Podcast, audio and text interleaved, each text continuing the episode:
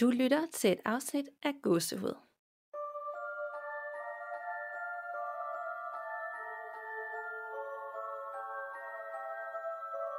Hej Danika, Hej Nana. og hej til alle jer derude, der lytter med. Ja, det er jo lidt lang tid siden, vi har optaget den her slags afsnit, føler jeg. Fordi sidste Ja. uge havde vi special afsnit med Janni, og gangen før var det lytterberetninger, så det, Præcis. det er nok ikke så lang tid siden, men på en eller anden måde, så føles det lang tid siden. Ja, det gør det virkelig. Ja, men det det er dejligt at være tilbage sådan lidt i vante rammer også. Præcis, det var jo ja. sådan, det, det startede, og var udgangspunktet for Gåsehud podcast. Jeg har lært at sige podcast Præcis. rigtigt, fordi nu er jeg, jeg har stadigvæk lyst til at sige podcast, for det gør de i USA, og det er der, jeg Ja. har startet med at lytte til det. Men det kan jeg godt forstå. Jeg har faktisk også tænkt meget over det. Også fordi du siger ofte et, og jeg siger en. Mm. Og, øhm, og, og det er noget, jeg kan huske, jeg kiggede på for rigtig lang tid siden. Hedder det en eller et?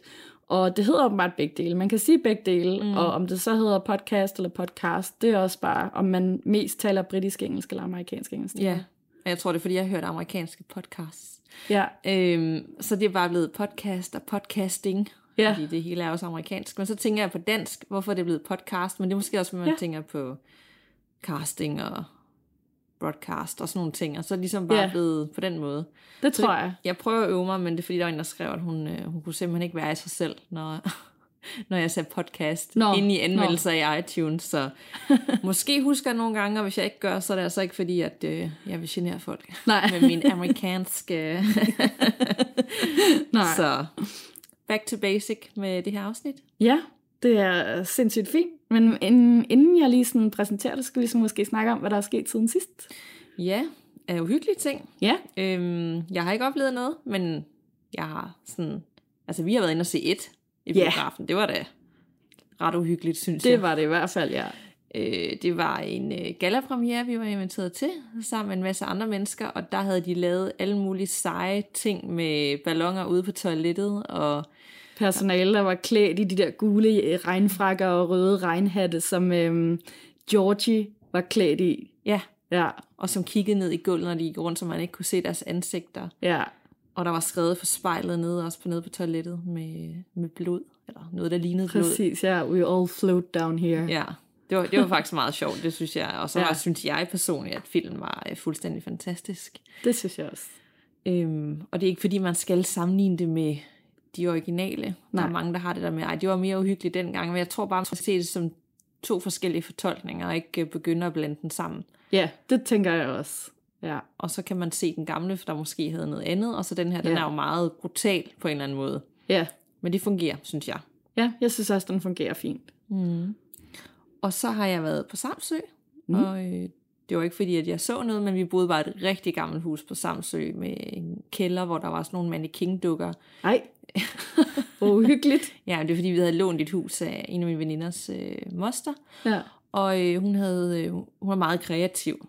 Så hun, hun havde, har et eller andet med mannequin-dukker, så der var mannequin-dukker nede i øh, kælderen, som var rigtig uhyggeligt, for hun havde også malet sådan nogle øh, øh, fuldfigurs øh, personer på væggene, Wow.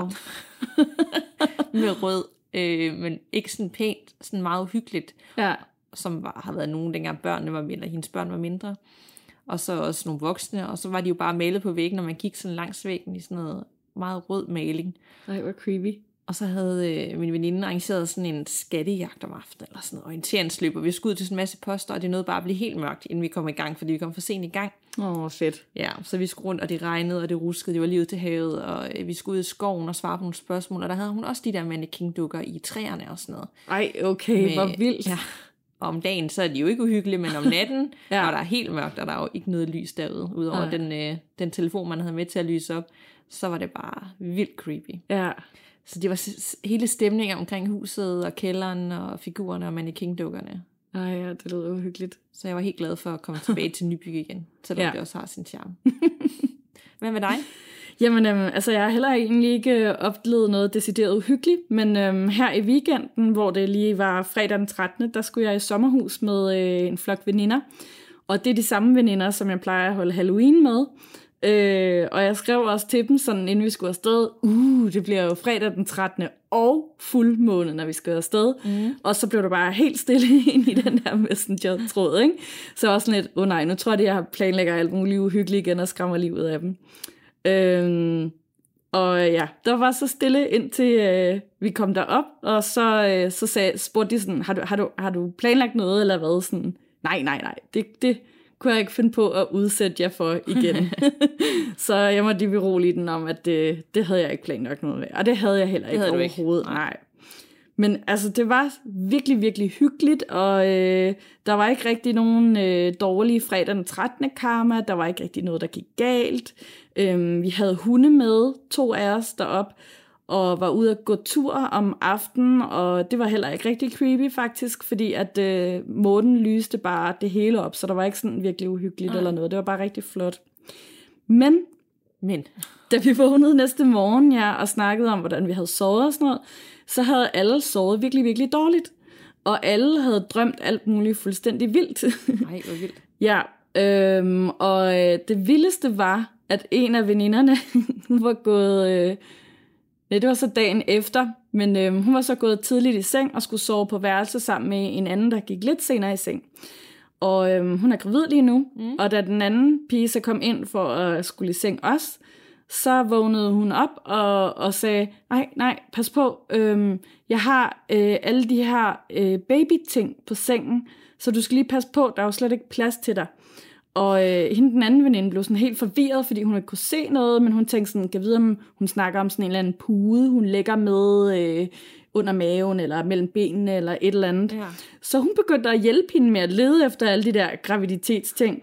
Og jeg lå i værelset ved siden af, og kunne høre bare sådan, at de snakkede lige pludselig, og at, øh, at der blev sådan flyttet rundt på ting, og tænkte, hvad er det, der sker derinde? Og så om morgenen, så fortalte de det så, og så var det bare en drøm.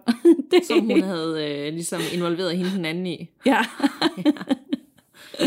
Men er der ikke også noget med, at når det er fuldmåne, så sover folk øh, dårligere og drømmer mere? Og det synes jo. tit, man hører om, at folk, om ja. så jeg sovede dårligere. Nå, det var fordi, det var fuldmåne. Præcis, ja. Det var også sådan, vi forklarede ja. det. Fordi alle havde drømt et eller andet helt vildt. Jeg ved egentlig ikke, hvorfor. Altså, jeg gør sådan mm. lidt grin med det hver gang over for Rasmus, ja. og jeg sover dårligt. Det er nok fuldmåne. Det er ja. slet ikke mig. Det er bare, Præcis. jeg kunne ikke gøre noget. Men altså, der er jo nok det er sådan noget energifælder, ikke? Og jo. hvordan tingene står.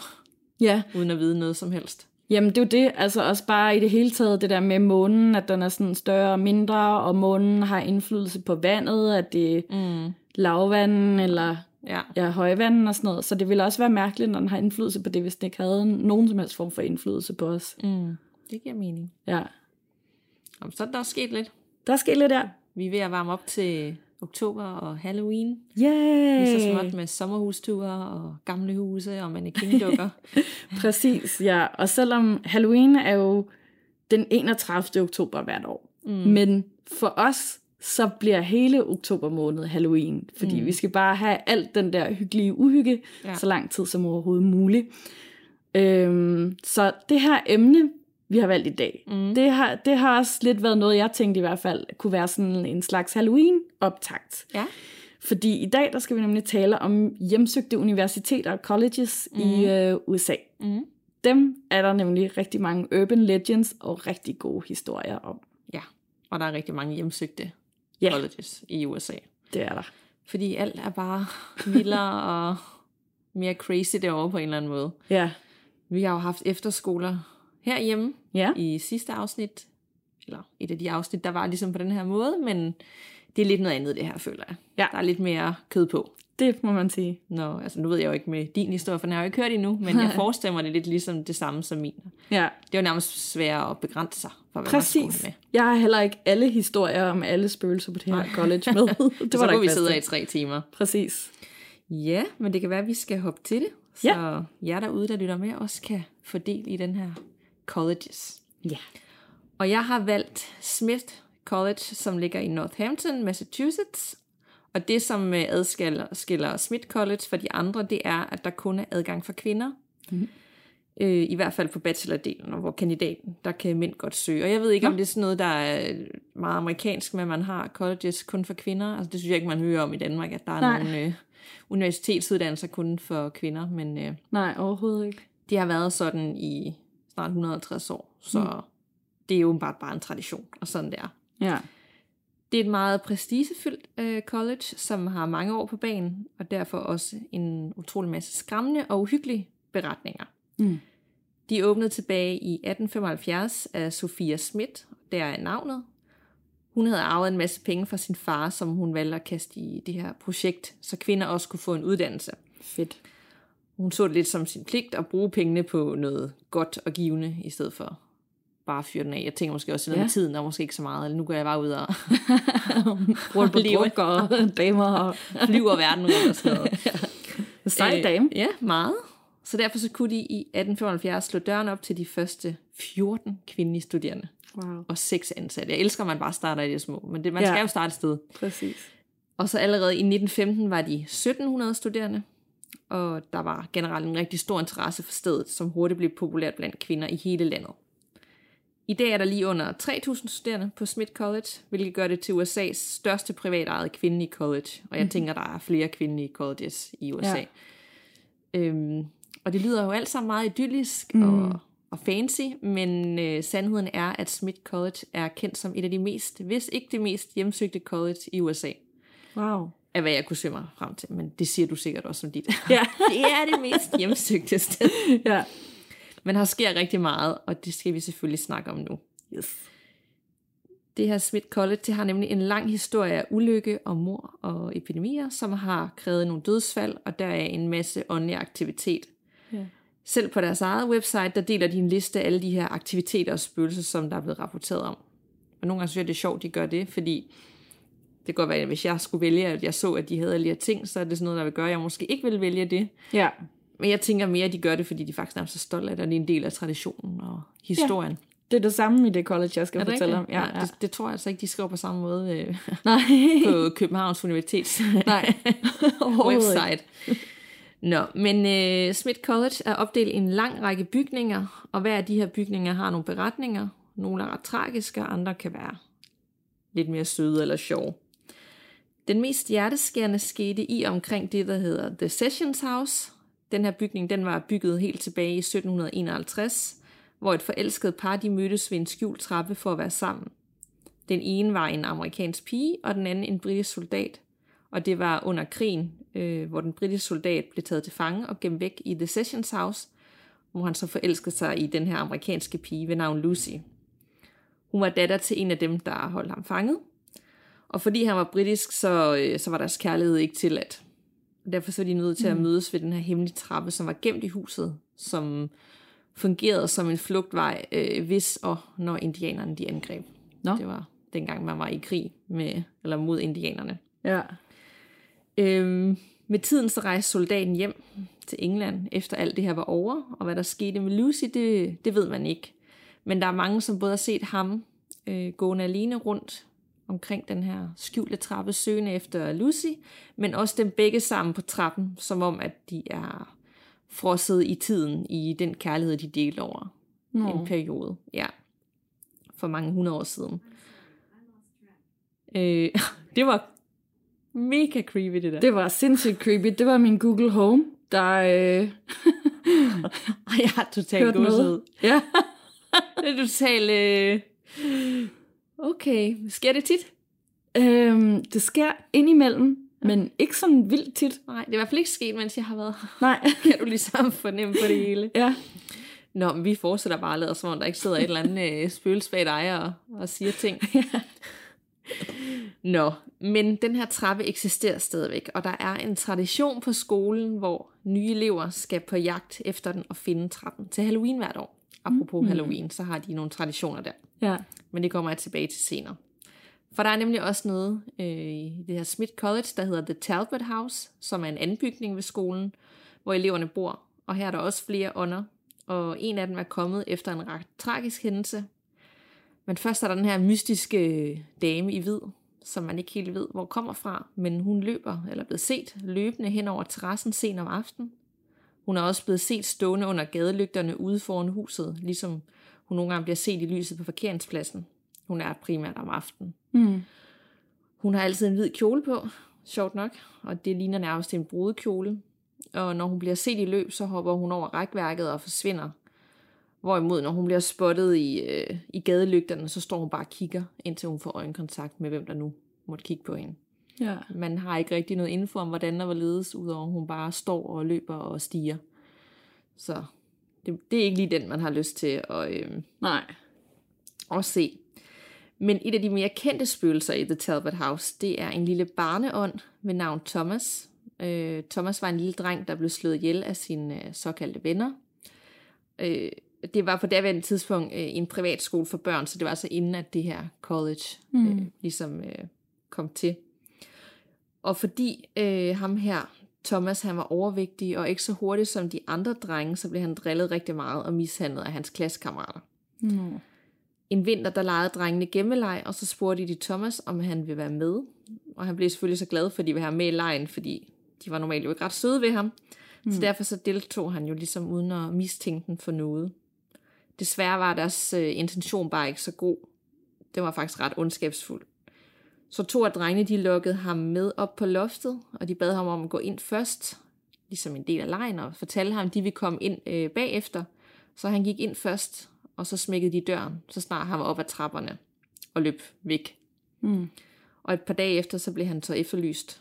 Jeg tænker, det fungerede lidt anderledes dengang. Ja. Men, øh, der kunne godt øh, gå nogle dage, hvor ligesom folk bemærkede noget. Ja. Så da lærerne kiggede på loftet, så fandt de ham øh, død af dehydrering. Øh, og det var tragisk, og af samme grund, så har han ligesom valgt at blive hængende i alle de her år efter. Han er set på toilettet på fjerde sal. Øh, han skyller tit ud i toiletterne. han tænder for vandhanerne, og nogle gange så har han også set øh, vaske sine hænder. Så har folk simpelthen spottet ham på toilettet i gang med, med at vaske hænder. Okay, han er virkelig velopdragen. Ja. og på en familieweekend, der havde en mor en hel samtale med ham. Øh, og jeg ved ikke, om hun havde en samtale med ham som spøgelse, eller troen, at det bare var et barn, der også var til stede. Og da hun gik ud fra badeværelset og kiggede tilbage, så var han væk. Og efter øh, det her, så er loftet blevet låst af, og derfor så ser man ikke så meget til ham på toiletterne længere, så nu er det mere fodtrin og løb op fra loftet, Hmm. og små bankelyde på døren til loftet. Så det er jo faktisk lidt sørgeligt, som om han bare stadig er fanget. Et Nå, ja. eller andet sted tænker jeg, ej, nu er I nærmest låst ham ind igen. Ja, ej, hvor synd. Ja, nu skal han bare gennemleve eller leve det her traume for evigt. Nå. Han er en, der har brug for, at der er nogen, der kommer og sender ham videre. Ja, det tænker jeg da også. Det er lidt tavligt, der Ja. ikke lige... Ja. Og så er der Parkhouse. Øhm, og det her det er sådan en mere tragisk beretning om en af de studerende, der i 1925 døde ved kvælning. Hun blev fundet i køkkenet og var død efter at have tændt for gaskomfuret, øh, hvorefter hun besvimede eller faldt og, og slog sig. Mm. Og så vågner hun simpelthen aldrig op igen, fordi at, øh, hun langsomt blev kvalt af gassen. Ja. Hun havde så også lukket døren til køkkenet, og derfor blev hun først fundet dagen efter. Og hendes ånd ses stadigvæk øh, i Parkhouse. Også ligesom, at hun er fanget i den her situation Ja. øh, for evigt. Og sidst men ikke mindst, så er der Chase House, der bærer på en af de mest grusomme historier. Det er sjovt, hver gang så ser de tragisk og mere grusomme, jeg synes alle sammen, at uh, ligesom Ja, vi virkelig kan være ja. Fordi før det overhovedet blev til college for kvinder, så var det et hus øh, for single arbejdende kvinder. Og en af de her kvinder, der boede der, hun øh, blev gravid uden for ægteskabet. Og for at skjule, at det var sket, så fik hun en ven til at dræbe babyen, og øh, lige efter fødslen. Og så derefter slog hun sig selv ihjel. Oh. Og hun høres og ses tit både fodtrin, men også babygråd øh, i gangene fra babyen. Oh, hvor creepy. Det minder mig lidt om det der afsnit, vi havde med efterskoler, hvor der også var en, der var blevet gravid uden for ægteskabet, havde været Ja. at drukne sit barn, og så bagefter begik selvmord selv. Det er så tragisk, mm. altså. Det var bare en anden tid. Ja, det var det. Men der er altså rigtig mange forskellige tragedier og dødsfald, og der er ånder, der går igen. Men øh, hvad jeg synes, der er endnu mere interessant, det er de her øh, ritualer, som eksisterer på skolen. For eksempel så skal alle de nye kvindelige studerende til Halloween finde den her hemmelige trappe, som var en flugtvej under krigen.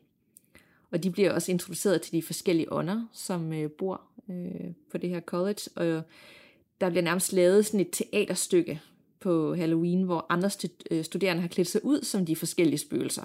Ja. Og så har de 20 minutter til at finde trappen øh, uden lys øh, eller hjælpemidler. Der er jo ingen, der ved, hvor den er, udover dem, der ligesom har fundet den. Ja. Hvis de finder trappen, så vil en ældre studerende, der tidligere har fundet den, øh, lykkeønske den her unge studerende, og hun må derefter ikke fortælle nogen, hvor trappen er. Til Thanksgiving, som kommer en måneds tid efter Halloween, så bliver hun øh, hyldet for at have fundet den, og i resten af sin college-tid, så skal hun holde det hemmeligt for alle dem, der ikke har fundet den eller ved, hvor den er. Okay. Og når man så er færdig med sin skoleår, så får man det så at vide, altså på den aller sidste dag. Ja, okay. Og det er en tradition, der har været der i rigtig, rigtig mange år. Og de gør et stort nummer ud af hele det her Halloween-setup. Ja. Øh, og at studerende skal klæde sig ud, altså som øh, de her under, der er det. Jeg tænker faktisk, det er lidt respektløst også, men ja, det, det er måske ja. bare mig. Nej, det synes jeg også. Øhm, og der er ud over de her ritualer og ånder også flere vandrehistorier på skolen, som man hverken kan bekræfte eller afkræfte. Men øh, de studerende fortæller den gerne til nye studerende. Der er blandt andet fortælling om en mor og sine to børn, der var alene huset en nat. Og det er igen inden øh, det blev lavet til et college. Mm. Fordi moren, hun synes, hun hørte en lyd og tog en økse med sig. Og hun begyndte at søge huset igennem for, for de her mennesker eller lyde, hun følte, hun kunne høre. Og så endte hun tilbage i værelset igen, hvor hun troede, det nu var ubudne gæster. Hvorefter hun gik amok med øksen, og bagefter indså, at det var hendes egen børn, hun havde slået ihjel. Åh oh, nej. Ja. Og det er sådan en øben lidt, man har hørt før i forskellige settings. Ja, det er det. Både i film, men også noget med en hytte ude i skoven. Og, Ja. øhm, og der er også en anden kendt øh, vandrehistorie fra The Session House, som er lidt nyere. Og det skete, mens det var et college, og de studerende var på jagt efter den her skjulte trappe. To piger fandt nemlig det hemmelige sted, men faldt begge igennem en lem på trappen, hvor de derefter døde. Og det siges så, at man kan høre den omkring trappen, eller man kan mærke nogle skubber, eller prøve at øh, få en til at falde ned igennem det samme hul, som de gjorde, når man nærmer sig stedet. Okay. Og jeg tror jo ikke på de her to øh, Urban Legends, men Nej. De er ligesom med til at bidrage til, at der er en stemning, der hersker omkring Smith College. Det kunne man forestille sig Ja. ja. her. Altså, især når de så holder det der ritual med at finde Præcis. trappen, ikke? at de bliver sådan helt... Det er en del af traditionen, altså ja, Ja, det er som om, ja. det er noget, de er stolte af, og de nærmest brander sig på på hjemmesiden, vælger også, øh, fordi vi har også alt det her, du får med. ja. Og det er jo sådan noget, der måske gøre, at vi valgte det. ja, det kunne det sagtens ja. være, ja. Fordi jeg vil gerne med til deres Halloween-arrangement. Ja, mega. Øh, og se om jeg kan finde trappen på 10 ja. Minutter, uden, uden lys. ja. Men øh, jo ældre Smith College bliver, jo flere dystre, for, dystre fortællinger, så kommer der til. Mm. Men øh, det er også en meget elgammel og gotisk inspireret bygning, så det hører ligesom sammen. Ja, det gør det. Og det var fortællingerne om The Smith College. Ja. Ja, Og hvad har du valgt? Jamen, jeg har valgt et college, der hedder Kenyon College, mm. og øhm, det ligger i Ohio. Og det er et af de ældste og mest prestigefyldte øh, colleges, der ligger i USA's midtvesten. Det blev grundlagt i 1821 af Ohios første ærkebiskop, som hed Philander Chase. Og øhm, Kenyon College, det har længe været anset som et af USA's bedste universiteter inden for det, de kalder liberal arts. Øhm, og det bliver ofte kaldt et hidden Ivy League college. Altså der er de der helt øh, elite colleges. Øhm, øh, og, og det skal så være den slags inden for liberal mm. arts. Øhm, og det bliver det kaldt på grund af sin ekspertise og øh, udmærkelser ud i obskure kunst og andre absurditeter. Det er et af de smukkeste campuser i øh, USA, men det skiller sig også ud på alle mulige andre måder. Og dog, ikke? det er nemlig også et af de mest hjemmesøgte colleges i landet. Det allermest det, hjemsøgte. Ja, det er de sikkert alle Nummer sammen. et. Præcis. Og øhm, den del af deres historie er nemlig heller ikke noget, man lægger skjul på her. Øhm, blandt andet så er der en professor på det her college, der hedder Tim Schott, som i mange år har stået i spidsen for en ghost tour på universitetet, øhm, som er åben for alle. Og øh, der, der øh, viser han så spooky fans og spøgelseselskere rundt på de allermest hjemsøgte steder på hele campuset. Og den her tur, den går blandt andet forbi øh, det gamle kollegie, øh, som hedder Old Canyon, og øhm, den har virkelig et par prominente spøgelseshistorier, som bygger på virkelige hændelser også. Øh, det ældste spøgelse, man kender til der, hedder øh, Stuart Pearson, og han døde i en såkaldt fraternity hazing, altså øh, sådan et indvielsesritual, man har i de her broderskabsklubber øh, okay. rundt omkring på amerikanske colleges. Hvordan? Øhm, ja, det var, det, det var i øh, 1905, hvor at øh, nogle af de her broderskabsbrødre øh, efterlod ham bundet fast til en jernbanebro, og så lovede de at komme tilbage efter ham senere. Øh, men desværre så blev han ramt af et forbigørende tog, som ikke var annonceret nogen steder, så de vidste slet ikke, at det skulle komme på den her jern, jernbanebro overhovedet. Nej. Ja, så han døde desværre, inden de nåede tilbage efter ham. Og medlemmerne af den her fraternity, øh, som hed DKE, ærer ham stadig hvert år nu, øh, ved at bære en kiste hen til jernbanebroen, hvor han døde, og så læser de højt fra ligesynsrapporten. Det synes jeg er lidt underligt, det der med at læse. underligt. Ja, altså sådan, fedt de ærer ham, og super med kisten, men at det er mærkeligt, at de læser højt fra ligesynsrapporten, ikke? Ja, det er meget makabert. Præcis, ja. Og øh, på samme kollegie, der øh, var der en kæmpe brand i, øh, i 1949, hvor at øh, ni elever døde under tragiske omstændigheder. Og øh, legenden siger, at øh, syv af de her elever, øh, de blev fanget i branden, og lige så snart de indså, at de ikke ville kunne komme ud derfra, så begyndte de at synge sammen, og det kunne man høre uden for kollegiet, at de stod derinde og sang. Ej, hvor vildt, som om, at nu har de indset, at nu skal de dø, og så, Ja, så ja, ja, nu synger vi. præcis. Få det bedste ud af den sidste mm. tid-agtigt. Ja. Og øhm, det siges, at øh, dem, der bor på det her kollegie nu, de bliver af og til vækket om natten øh, af brandalarmer, eller af råb om hjælp øh, fra nogle af dem, der er brændt inde, øh, eller simpelthen råb om advarsler om, at de skal skynde sig ud derfra af de her elever, der, øh, der advarer dem, der bor der nu.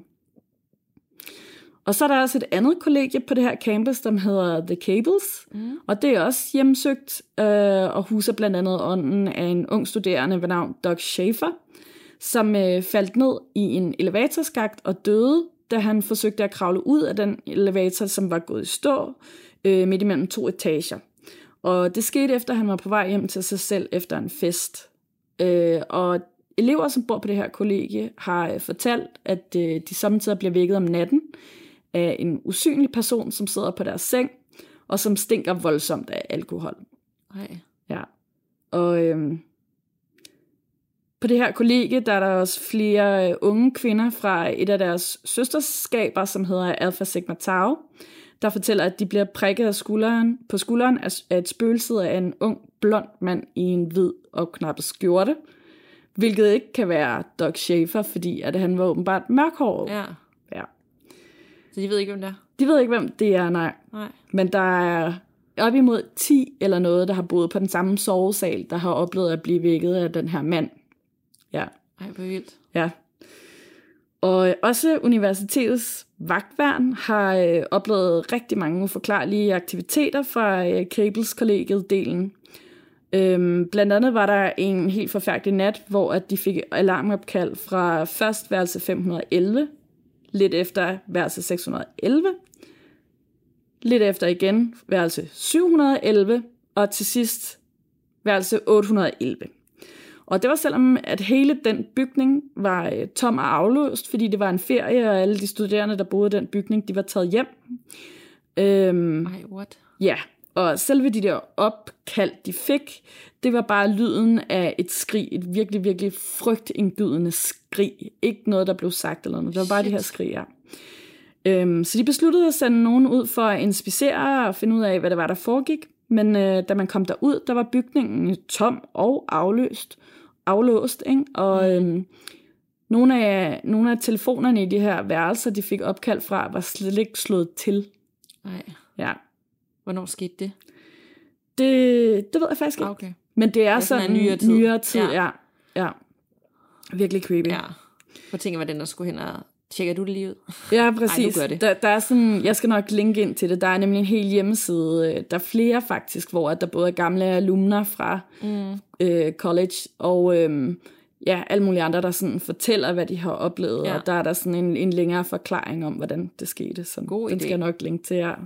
Det gør vi i den private Facebook-gruppe, ikke? Jo, Ja. præcis, ja. Og øhm, ja, der er så også den her ghost tour, der findes på college. Det går også forbi noget, der hedder Gates of Hell, som er et par stensøjler, der markerer indgangen til den sydlige afdeling af campus. Og øh, der er en urban legend blandt de studerende om, at alle, der går igennem The Gates of Hell, øh, når klokkerne ringer i den nærliggende kirke Church of Holy Spirit ved midnat, at de ryger direkte i helvede. Okay. Ja, og derudover så findes der også et hjemsøgt teater og et hjemsøgt dansestudie, der tidligere var svømmehal. Så hele byen er hjemsøgt. Ja, hele stedet ja. Er bare fyldt med spøgelser og åndelige energier. Og der er også et par historier fra nogle tidligere studerende, der, øhm, der har boet der. Mm. Blandt andet en, der hedder Natalie Schottler, som er blevet journalist sidenhen for New York Times, der har lavet en hel artikel, som hun har udgivet i New York Times, mm. hvor hun skriver, på mit andet år på college boede jeg på et hjemsøgt kollegie. Jeg må indrømme, at jeg altid har elsket en god spøgelseshistorie, så man kan vel sige, at jeg var selvskreven til at opleve noget overnaturligt. Jeg håbede i hvert fald på det. Og på Kenyon College, hvor jeg gik, er spøgelser en kæmpe del af fortællingerne om universitetet. Hvert år i oktober, igen oktober, mm. holder sikkerhedsvagterne en bålaften, hvor de grav alvorligt fortæller om fodtryk, der kommer og forsvinder igen, umenneskelige lyde som skrig eller jammeren, og en elevator, som lever sit helt eget liv. En af professorerne leder en ghost tour på universitetet, og flere generationer af Kenyon alumner fortæller om deres oplevelser til gamle elevfester og andre sammenkomster. Det er en del af vores fælles sprog, fælles historie og en fantastisk samtale starter. Der pyntes ofte på historierne, og nogle af dem har taget mytiske proportioner, men de originale fortællinger stammer fra en håndfuld tragiske hændelser, som er sket i løbet af de sidste århundrede. En sådan ulykke fandt sted klokken 4 om natten den 27. februar 49, da en høj stenbygning kaldet Old Canyon brændte til jorden i en ødelæggende brand, der dræbte ni studerende. To af de studerende døde som følge af kraniebrud, de pådrog sig efter at hoppet ud af vinduerne for at flygte fra branden. Nej, sørgeligt. Ja. Kollegiet, som er en smuk gotisk bygning med spir fra 1829, havde været midtpunktet af campus. Så skolens ledelse lovede at genopbygge den så hurtigt som muligt, og allerede året efter var Old Canyon klar til, at nye studerende kunne flytte ind igen. Ydersiden af den bygning blev belagt med de originale sten, men det indvendige blev rekonstrueret med beton og stål, så det blev et mere sikkert og moderne design at bo i, for at undgå lignende katastrofer fremover. Det siges, at ånderne af de afdøde elever øh, foretrækker at bevæge sig rundt ifølge den gamle grundplan, der var. Øh, etagerne er nemlig mm. blevet lidt for skudt, efter de er blevet bygget op igen. Og efter sine krydser de lydløs gangene, men er kun synlige for taljerne op efter – eller, eller så kan man kun se deres fødder, som svæver lige under gulvet, fordi det ikke rigtig passer med, hvor gulvet var før i ja. tiden. Jeg så aldrig noget selv, øh, i hvert fald ikke nogen tydelige spøgelser, da jeg boede i Old Canyon. Men samtidig midt om natten, når alle lå og sov trygt på deres værelser, vågnede jeg et underligt mønster af hændelser.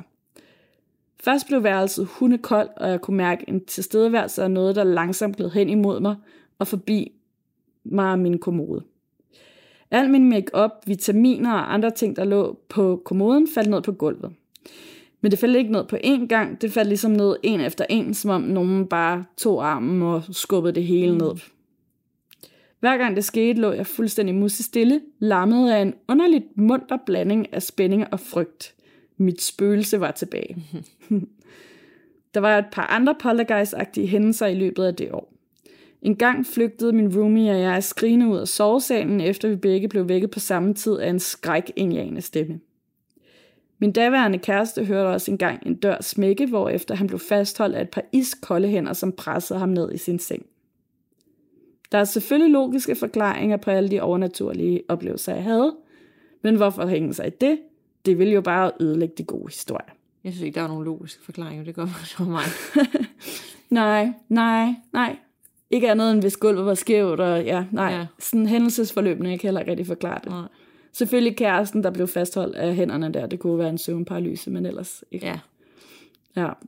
Og så er der en anden studerende også, Alyssa Williams, som øh, dimitterede i 2017, som fortæller om et øh, skrækindjagende møde på sit værelse i Old Canyon også.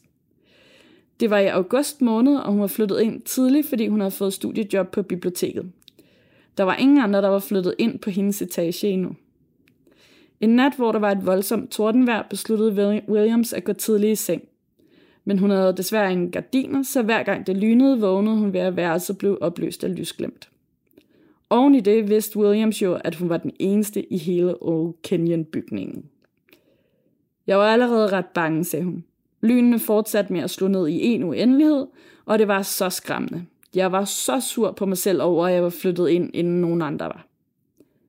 Til sidst faldt hun endelig i søvn, men efter et stykke tid blev hun vækket igen. Denne gang var det bare ikke et lynnedslag.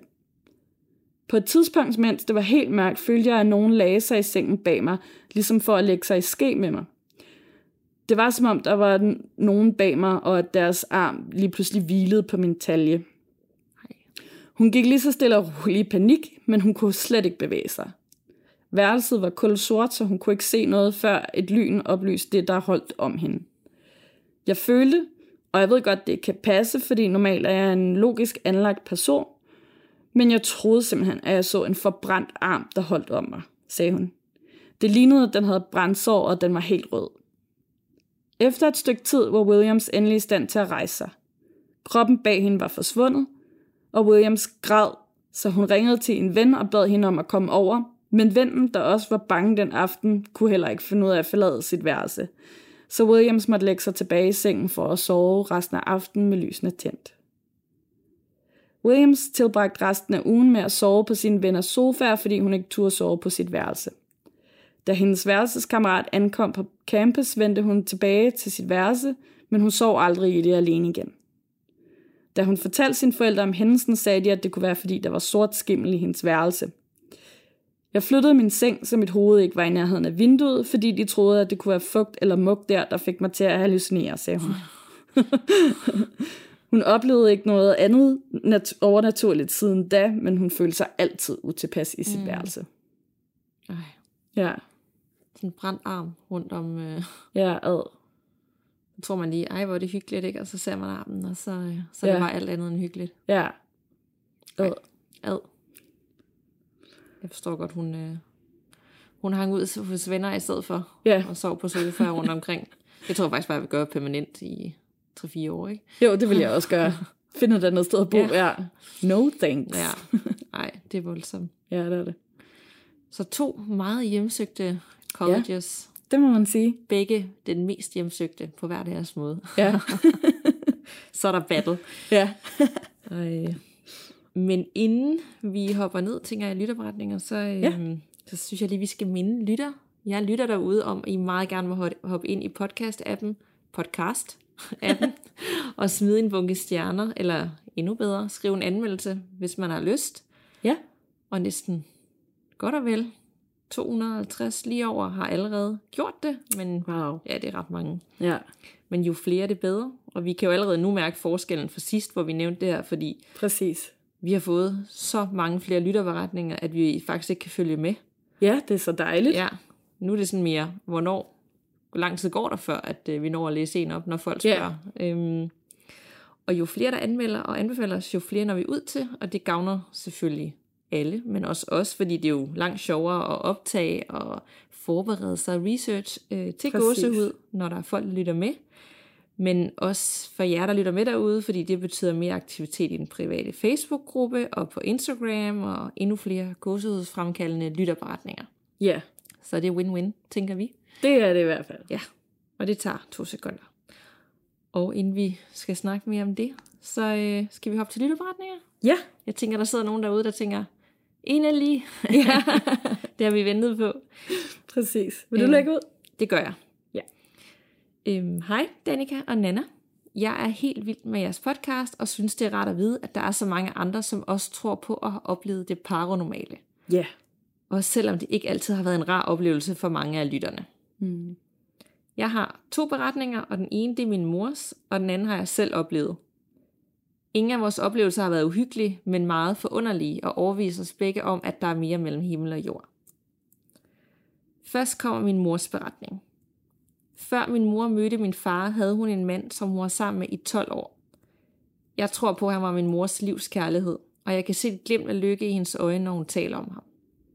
Desværre døde han af kræft en måned efter de blev gift. Min mor har fortalt mig, at hun i årene efter hans død altid har følt en form for tilstedeværelse fra ham. Min mor flyttede ind til hovedstaden og startede på et nyt arbejde som pædagogmedhjælper i en børnehave. Hun havde nu arbejdet i børnehaven i to år og boede blot 800 meter væk fra sin arbejdsplads. Det var en hver anden morgen, da hun skulle møde på arbejde. Hun gik den forholdsvis simple rute med kun et enkelt lyskryds, som hun skulle krydse over. Hun så, der var grøn, og hun begyndte at gå, men i det hun skulle til at træde ud på fodgængerovergangen, så mærkede hun en hånd på sin skulder. Hånden hævde hende tilbage mod fortorvet og fik bremset hendes hastighed med maksimalt 5 sekunder. Få sekunder efter kom der en lastbil bravende over for rødt. Hun kiggede sig forvirret og skræmt omkring og så til sin store overraskelse, at der ikke var nogen mennesker i nærheden af hende. Min mor var overvist om, at det var hendes afdøde mand, som lagde hånden på hendes skulder. Vi ved til dags dato ikke med sikkerhed, hvad eller hvem, der reddede hendes liv, men en ting er sikkert. Havde den hånd ikke holdt hende tilbage, så ville hun være blevet dræbt af den lastbil. Hmm. Og så min egen beretning. Jeg har egentlig aldrig sådan været troende, og selv da jeg var helt lille, synes jeg, det var fjollet, at vi skulle bede bordbøn, før vi spiste, da vi gik til spejder. Jeg har også gået til spejder og skulle igennem alt det der kirkespejder. Okay, ja. jeg bor på Frederiksberg i et lejlighedskompleks lige over for en kirkegård. Min veninde, hun bor i samme lejlighedskompleks. Det er en genvej at gå igennem kirkegården. Så har vi tit bare gået den vej, uden der er sket noget som helst, selvom det godt kunne være lidt skræmmende.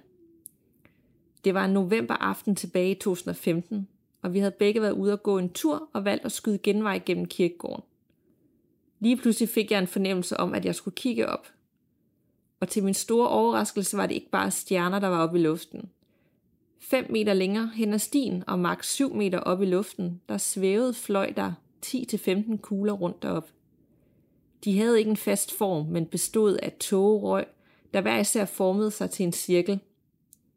De var halvgennemsigtige, så man kunne stadigvæk se den mørke himmel i baggrunden. De lyste dog lidt op, så de var ikke til at undgå. Og hvis jeg er svært ved at forestille jer, hvordan det så ud, så forestiller jeg det lys, der kom ud fra en projektor. Da jeg først så den, tænkte jeg med det samme. Fuck mig, jeg må have blevet skizofren. jeg prikkede min veninde på skulderen og sagde, prøv lige at kigge op. Kan du også se det der? Og det kunne hun.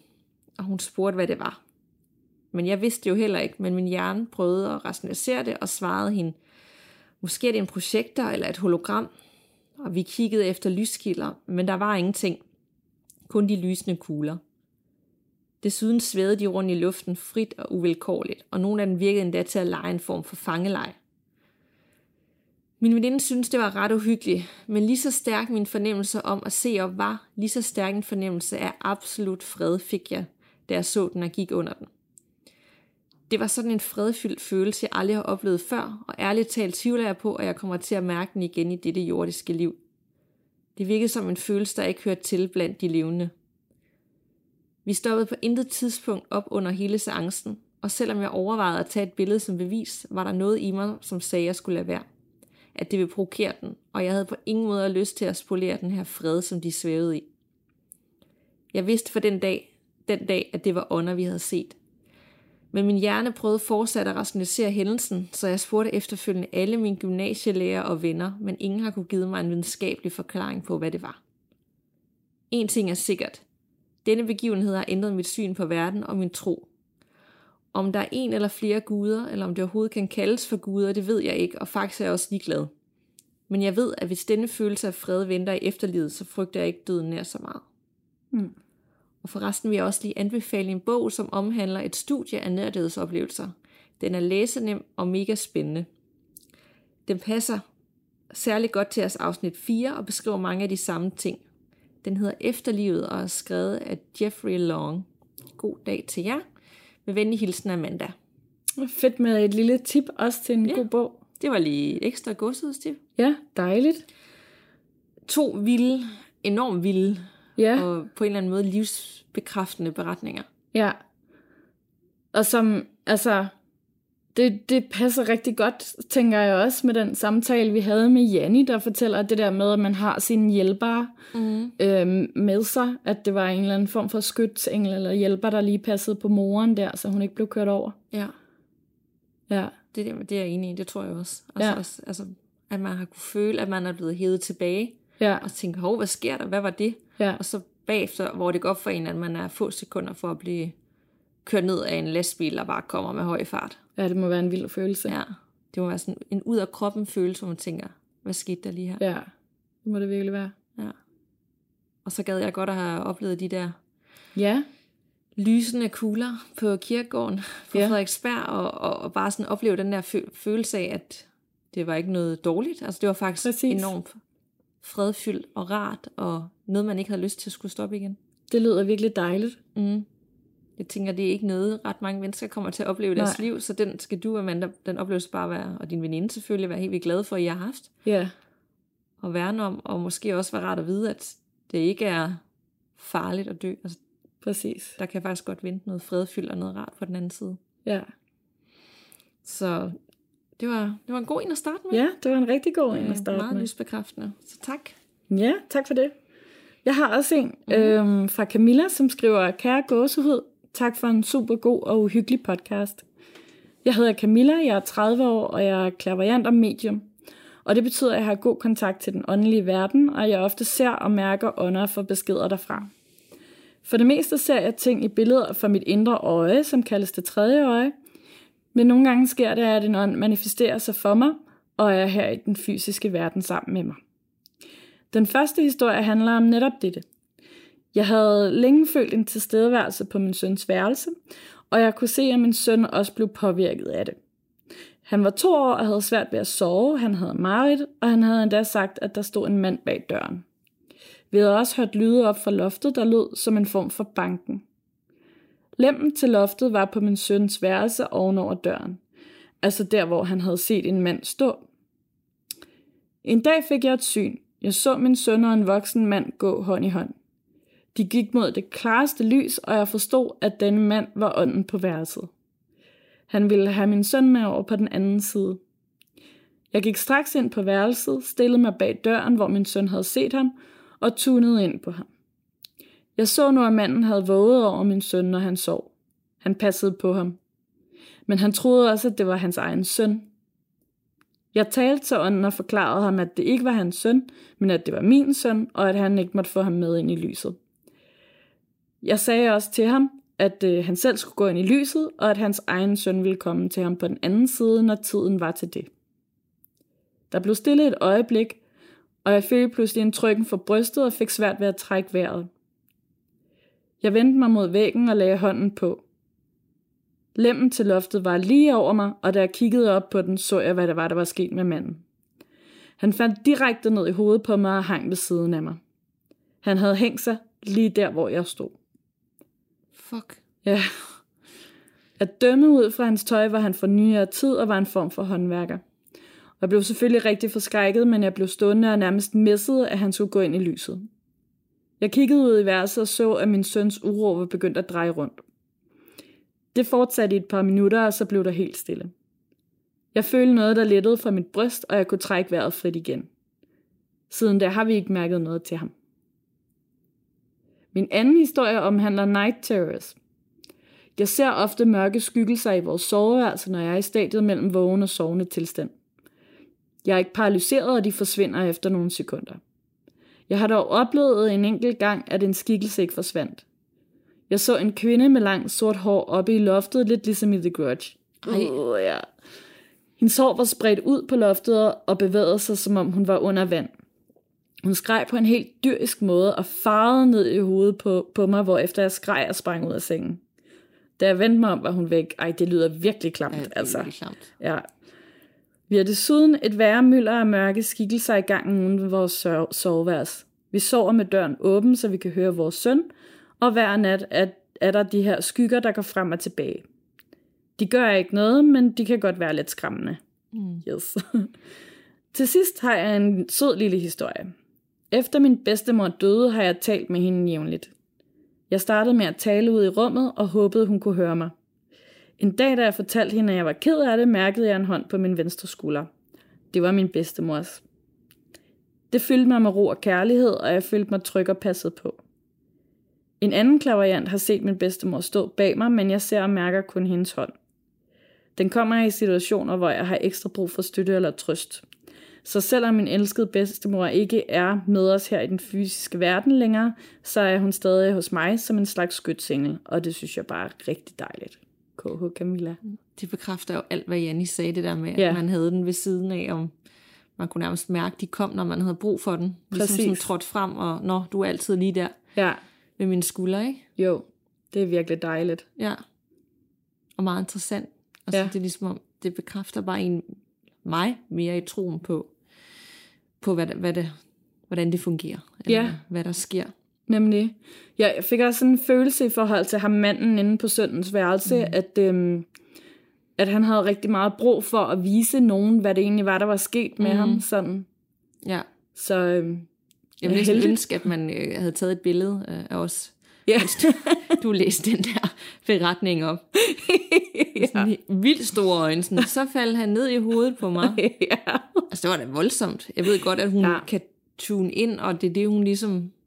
Hun har den Ja. evne, men stadigvæk. Altså, det er da en voldsom oplevelse. Og Ja. se ham dumme ned fra loftet, og ligesom gennemleve hans sidste sekunder. Præcis, det må være virkelig forfærdeligt også. Altså, ja, bare det der, som hun ikke nævner med, sådan, det er jo det, der får folk til at gøre mm. så forfærdelig en ting. Altså, det må jo kunne mærkes også, al den der smerte, de har i sig. 100 procent. Det er også det, at hendes store søn har kunne mærke. At Ja. Det er jo ikke, fordi han var ond, men han har jo kunne mærke, at det ikke var rart. Det Ja. der var sket herinde, eller at manden var fanget. Det kan være, at han også har set ham skulle altså, gennemleve det der øjeblik Ej, igen, ikke? Ja, ja, Uden han har ligesom kunne kommunikere det ordentligt, fordi ja. de ikke kan sige så meget, ja, når man lige er blevet to. Men øhm, præcis. ej, sikke en oplevelse. Ja, puha. Skal vi slutte af med den sidste? Ja, lad os gøre det. Ja, den er lidt kortere, men øh, ja. enormt uhyggelig på en eller anden måde. Oh. Øhm, kære piger, tak for en skøn podcast. Jeg har slubret den i mig og nyder i den grad, at der er kommet mere struktur og bedre lyd på. Fedt. Jeg har pjattet med jeres lytterfortællinger, og jeg må indrømme, at jeg også har oplevet mange uforklarlige ting. Men ofte ved man ikke, hvor man skal starte, så jeg står der bagfra, faktisk fra natten til i dag. Hmm. Og det er jo så lidt tid siden, ikke? Ja. Ja. fordi vi er lige lidt bagud med den. Min søn på 12 år blev mandag eftermiddag syg med opkast og ondt i maven. Eftermiddagen gik med at passe på ham og være ekstra vaks og vågen i forhold til hans ved og vel. Aften går, og det bliver puttetid. Alt går fint, lige indtil han begynder at kalde mor midt om natten. Faktisk reagerede jeg først ikke rigtigt, da jeg valgte at blive i sengen og lytte igen, og efterfølgende sagde han, jeg har ondt i maven. Denne kommentar var dog ikke hans stemme overhovedet. Det gav et gys i mig, og jeg valgte at blive i sengen og ignorere det, for jeg kunne ikke høre min sy- øh, søns dyne bevæge sig, og det gør den altid. Hvad, hvem pokker det var, det ved jeg ikke, men det var ikke min søn. Oplevelsen sidder i kroppen i dag, men jeg vil simpelthen ikke reagere, for jeg tænkte, det vil sende et godt og stærkt signal afsted. But what do I know? Mm. En tel- fortælling fra mig til jer. Ja, men Anonym. det, ja, det synes jeg lyder som en god strategi. Altså, bare lukke ned for det, og så håbe på, at... Øh, Jamen, jeg, altså for det første vil jeg, jeg ved jo ikke, hvordan stemmen har været, men man er jo Nej. bare ikke i tvivl om, når det er en anden stemme end ens Nej. eget barn. Og jeg Nej. forestiller mig sådan, det ved jeg ikke, jeg har ondt i maven. Eller Ja. sådan virkelig mørk og sådan ja. dyrisk, eller ikke så rar stemme, ja, uden at vide det. Det er bare det i mit hoved, så, så kører det lidt op. ja, ja, samme her. Ej, det forstår jeg godt, at uh, man tænker, ja, Ja, der går jeg ikke ind. Ej, det er så hyggeligt, at der er, øh, der er ånder, der ligesom kan udgive sig for at være andre. Det har man hørt om før. det er klamt. Ja, ja. kom lige herop. ja. Ja. Ej, det var øh, god at slutte af på. det var den helt sikkert. Så og glæder jeg til næste afsnit, for så er det jo rene lytterberetninger. Ja, yeah, og hvis I øh, har noget, I har oplevet, eller kender nogen, der har oplevet et eller andet, og I gerne vil fortælle om det, så øh, skriv endelig til os. Og øh, I er velkommen til at skrive til os på øh, Instagram og Facebook, men hvis I være sikre på, at vi på et eller andet tidspunkt får den læst op, og vil hjælpe os lidt, fordi vi får så mange beskeder alle de andre steder, så øh, vil det være super fedt, hvis I sender den direkte til vores e-mail, som er gåsehudpodcast og det er gåsehud med to A'er. Mm. Og det kan være dig selv, eller det kan være en, du har fået fortalt. Ja, Det, hvad end du har, så send det til os. Der er ikke noget, der er rigtigt eller forkert her. Præcis. Og så synes jeg, at vi skal slutte af med ugens godshedstip. Yeah! Øhm, ja, vil du lige ud? Det vil jeg gerne. Ja. Ja, fordi at øh, jeg er begyndt på en øh, ny serie på HBO, som jeg gerne vil anbefale. Den hedder Folklore, og øh, er en serie i seks afsnit, som varer cirka en times tid hver. Og øh, hvert afsnit udspiller sig i et forskelligt land i øh, Asien. Det er blandt andet Indonesien, Japan, Korea, Malaysia, Singapore og Thailand. Og hver af de her afsnit er øh, baseret på en moderne genfortælling af øh, det pågældende lands gamle myter og fortællinger om overnaturlige skabninger og ukulte hændelser. Og øhm, jeg er ikke nået særlig langt endnu, men jeg vil bare sige så meget som, at i hvert fald første afsnit er dødhyggeligt. Er det rigtigt? Ja. Fortæl mig, det ikke er Thailand, den starter med. Jeg ved faktisk ikke, hvad land det er, den starter okay. med, fordi at, øh, jeg fattede ikke helt, at det Nej. var forskellige asiatiske lande, så jeg tænkte egentlig bare, at det var Japan. Jeg tror, det er Japan okay. eller Korea, ja. Og vi rejser til Thailand på lørdag, så jeg tænker, at det er ikke en super idé at, at lige se sådan en afsnit Nej. inden. Nej, jeg tror bare, du skal gemme den, til du kommer hjem igen. Ja. Ja. Ej, den lyder da mega god. Den var vildt god, ja. Men er det lavet sådan øh, dokumentaragtigt, eller er det med skuespillere, eller hvordan er det lavet? Det, det er med skuespillere, okay. altså sådan rigtig øh, filmisk. Altså det er fuldstændig ligesom at se alle de der gode asiatiske gyserfilm, ikke? Okay. Øhm, og det er på originalsprog, så, øh, så man skal også lige sætte tid af det. Man kan ikke bare sidde og scrolle på sin telefon samtidig med, at man ser den, fordi man skal læse undertekster, ikke? Altså den er lavet på hvert sprog for det pågældende land? Ja. Okay. Nemlig. Og det skulle da gennemført. Ja, det er det. Virkelig. Det vil jeg virkelig glæde mig til. Ja. Og nu vi snakker serier, og det er ikke fordi, det her det er mit øh, godshedstip, men der var en inde i Facebook-gruppen, der anbefalede den her nye øh, serie på Netflix, som alle taler om lige nu, der hedder Marianne. Ja. Alle taler om, hvor hyggelig den er. Den jeg tør franske? ikke se Ja, ja, jeg tør ikke engang se den, bare for de stillbilleder, jeg har set fra serien, og ja. hvor folk fortæller om den, hvor... Ja, jeg kan ikke engang fortælle, hvad den handler om, udover det eller med en kvinde, der flytter ud i et hus, og hun får fat. Den er også yeah. lavet på sådan en anderledes måde, hvor man ligesom følger nogle kapitler og sådan noget i en bog. Ja. Jeg ved ikke ret meget om den, men øh, der er mange, der taler godt om den, så det kunne være, at der var nogen, der vil prøve at se den. Ja, jeg glæder mig i hvert fald til at gå i gang med den. Kan ja. du fortælle mig, om jeg skal se den, ikke? Ja. ja. Og øh, det, jeg vil anbefale den her uge, det er øh, en ghost-tur som vi to skal på, sammen med Janne, yeah. som var med øh, i det der gåsede special afsnit sidst. Yeah. Øhm, og det skal vi nu på fredag mm. kl. 8, men det her afsnit udkommer jo først tirsdagen efter vi har været afsted. Ja. Så jeg kan ikke sige så meget nu, men det jeg kan sige, det er, at de her ghost tours, de er der hver anden fredag kl. 8 ja. i København. Og vi glæder os selvfølgelig til at fortælle om den på den anden side, også fordi vi jo rigtig gerne selv måske vil begynde at holde nogle, nogle tours. Præcis. Hvordan og hvorledes, det ved vi ikke endnu, om det overhovedet bliver til noget, men ja. nu, nu skal vi ligesom ud og research, og hvordan fungerer det, og, ja. og, og prøve en masse ting af. Præcis. Så det kunne egentlig have været rigtig godt, hvis vi havde sagt det her i god nok tid. Det kan vi jo gøre i Facebook-gruppen, sådan at man kunne sige, hvis der er andre, der lige Der godt ved, kunne tænke sig at komme med, ja. Ja, nu på fredag, eller som så var i fredags, Ja. så, så, øhm, så dukker man bare op, og så mobile man der, af hvad jeg kunne forstå. Ja. Tænker, det er Det sådan, jeg meget fed måde at bruge en fredag aften, og det er jo mørkt på det tidspunkt nu. Præcis, Ja. Så vi skal rundt i mørke gader. Det bliver spændende. Måske i regn. Hvem ved? Ja, jeg glæder mig helt vildt. Så ja. Og det var det. Ja. Så fik vi taget en snak om colleges, og er klar til oktober måned og Halloween og Yay, spooky season. spooky season. Ja. For os, vi kan også bare gøre det hele efteråret og vinteren. Ja. I halvt år. ja.